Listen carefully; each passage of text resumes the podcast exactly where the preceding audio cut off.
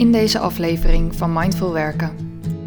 Uit onderzoek blijkt dat collega's je veel sneller geloven als je open bent, want je bouwt vertrouwen op.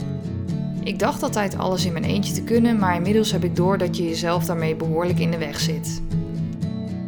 Dit klinkt best zwaar, maar het gaat over dat we ons altijd goed willen voelen, terwijl, hoe pijnlijk ook, lijden bij het leven hoort. Welkom bij de Mindful Werken podcast. Mijn naam is Lisa Langekamp en in deze podcast vertel ik je alles over werken in je eigen tempo. Welkom bij een nieuwe aflevering van Mindful Werken. Zoals altijd beantwoord ik een vraag over hoe je met minder stress en in je eigen tempo aan het werk gaat. Dat doe ik door praktische tips en ervaringen te delen die mij hebben geholpen rust te vinden in een wereld waar de druk om te presteren steeds groter wordt en voldoende niet genoeg is.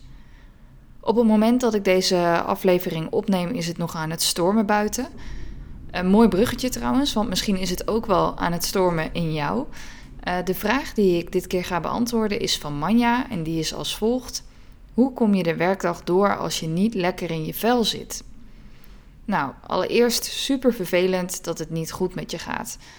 Het kan iedereen overkomen, maar makkelijk is het niet als het even niet zo lekker met je gaat. Zeker als je iets heftigs hebt meegemaakt en je moet dan nog werken, dan kan het behoorlijk pittig zijn.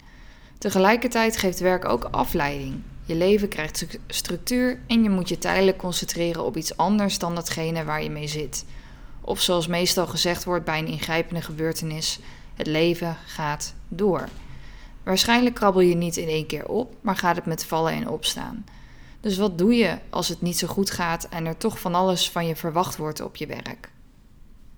De eerste tip is, en misschien doe je dat al wel, praat erover. Wat mij betreft is doen alsof er een duidelijke grens is tussen werk en privé verleden tijd. Stel, ik heb een rot weekend gehad omdat een familielid ziek is geworden, dan zou ik me zeer ongelukkig voelen als ik dat niet eens kan delen met collega's. Mensen die ik dag in, dag uit spreek. Natuurlijk hoef je echt niet alle ins en outs te vertellen, maar je zou het op zijn minst bij je leidinggevende kwijt moeten kunnen. Of je het met al je collega's deelt, is aan jou. Misschien wil je dat slechts een paar mensen het weten. Op de website van TED kwam ik een interessant filmpje tegen over hoe je om kunt gaan met emoties op je werk. Uit onderzoek blijkt dat collega's je veel sneller geloven als je open bent, want je bouwt vertrouwen op. Door te vertellen wat er speelt, maak je sneller verbinding met anderen, zetten collega's zich meer in, presteren ze beter en zijn ze aardiger. Of zoals in de video wordt gezegd, feeling feelings is part of being human. Maar wat vertel je en wat niet? Voor de juiste balans kun je aan selective vulnerability doen. Om een voorbeeld te geven, je hoeft niet te vertellen dat je uren boven de wc hebt gehangen, maar je kunt wel zeggen dat je het afgelopen weekend ziek bent geweest. Door je te verplaatsen in de ander en je te bedenken wat jij fijn zou vinden om te horen, kun je niet zo snel de plank misslaan. Te veel delen kan namelijk het vertrouwen weer schaden. Werk je veel thuis? Dan valt een groot deel van je lichaamstaal weg en kunnen collega's minder goed zien hoe je erbij zit. Dat betekent dat er een extra beroep wordt gedaan op je communicatieve vaardigheden. De ander kan niet ruiken hoe het met je gaat. Überhaupt niet. um, je zult misschien een extra drempel over moeten, maar opkroppen is ook niet gezond. Vroeg of laat merken collega's toch wel dat er iets is. Dan kun je maar beter meteen eerlijk zijn. Voel je je onveilig op je werk? Ga dan op zoek naar een vertrouwenspersoon of laat je via de huisarts doorverwijzen naar een psycholoog. De volgende tip gaat over hulp vragen. Als ik moe of gedemotiveerd ben, vind ik het een stuk ingewikkelder om mijn werk af te krijgen. Het is alsof ik tegen een helling oploop waarvan ik geen idee heb hoe lang ik nog op deze manier vooruit moet. Ik kan dan hard mijn best doen om de eindstreep toch te halen. Zonder hulp voelt de weg er naartoe extreem zwaar. Ik dacht altijd alles in mijn eentje te kunnen, maar inmiddels heb ik door dat je jezelf daarmee behoorlijk in de weg zit. Liever dus op tijd aan de bel trekken dan te laat. Vaak denken we dat we een goede reden moeten hebben om hulp in te schakelen, maar in de praktijk is dat helemaal niet nodig. Wees je dus bewust van de oordelen die je over jezelf hebt. Bovendien kun je ook zonder volledig open te zijn over je situatie iemand anders bij je werk betrekken. Zeg bijvoorbeeld tegen een collega: Ik kom er even niet uit, kun je me helpen? Ingewikkelder dan dit wordt het niet. Een mooie quote die bij deze tip aansluit is van Brene Brown. Ze zegt: We hebben steun nodig. We hebben mensen nodig die ons nieuwe manieren van doen laten proberen, zonder daar een oordeel over te vellen. We hebben een hand nodig die ons overeind helpt als, als we onderuit getrapt worden in de arena. En als we de moed tonen in ons leven, dan gebeurt dat geheid. De volgende tip gaat over troost zoeken. Ik heb het wel eens eerder gezegd, maar mijn lichaam is een belangrijke graadmeter voor hoe ik me voel en hoeveel ik aan kan. Zo is het mij opgevallen dat ik het sneller koud heb als ik niet zo lekker in mijn vel zit. Simpele dingen die mij dan troost kunnen bieden zijn bijvoorbeeld een warme kop thee of gebreide sokken van oma aantrekken. Vraag jezelf af: wat heb ik nu nodig? Misschien weet je niet meteen het antwoord, maar je kunt de vraag in elk geval stellen. Een inspirerend verhaal dat hierbij aansluit is die van illustratrice Marike de Groei. Toen zij in een dip zat, besloot ze bij te houden wat haar uit de put haalde door te tekenen. Uiteindelijk kwam hier het grote Depri doelboek uit. Het mooie aan dit boek vind ik dat je creatief aan de slag gaat met jouw proces. Naast prachtige illustraties, verhalen en oppeppende woorden staan er oefeningen in. Hierdoor heb je meteen een uitlaatklep. Dan een hele praktische tip en dat is maak een lijst met je lievelingsdingen. Op grauwe dagen vergeet je vaak wat je gelukkig maakt. Het helpt dan om een lijst te maken waarbij je terugblikt op waar jij gelukkig van wordt. Zo word ik blij van de geur van het voorjaar, blauwe bessen in mijn havermout, in een schoon bed stappen en luisteren naar mijn lievelingsalbum.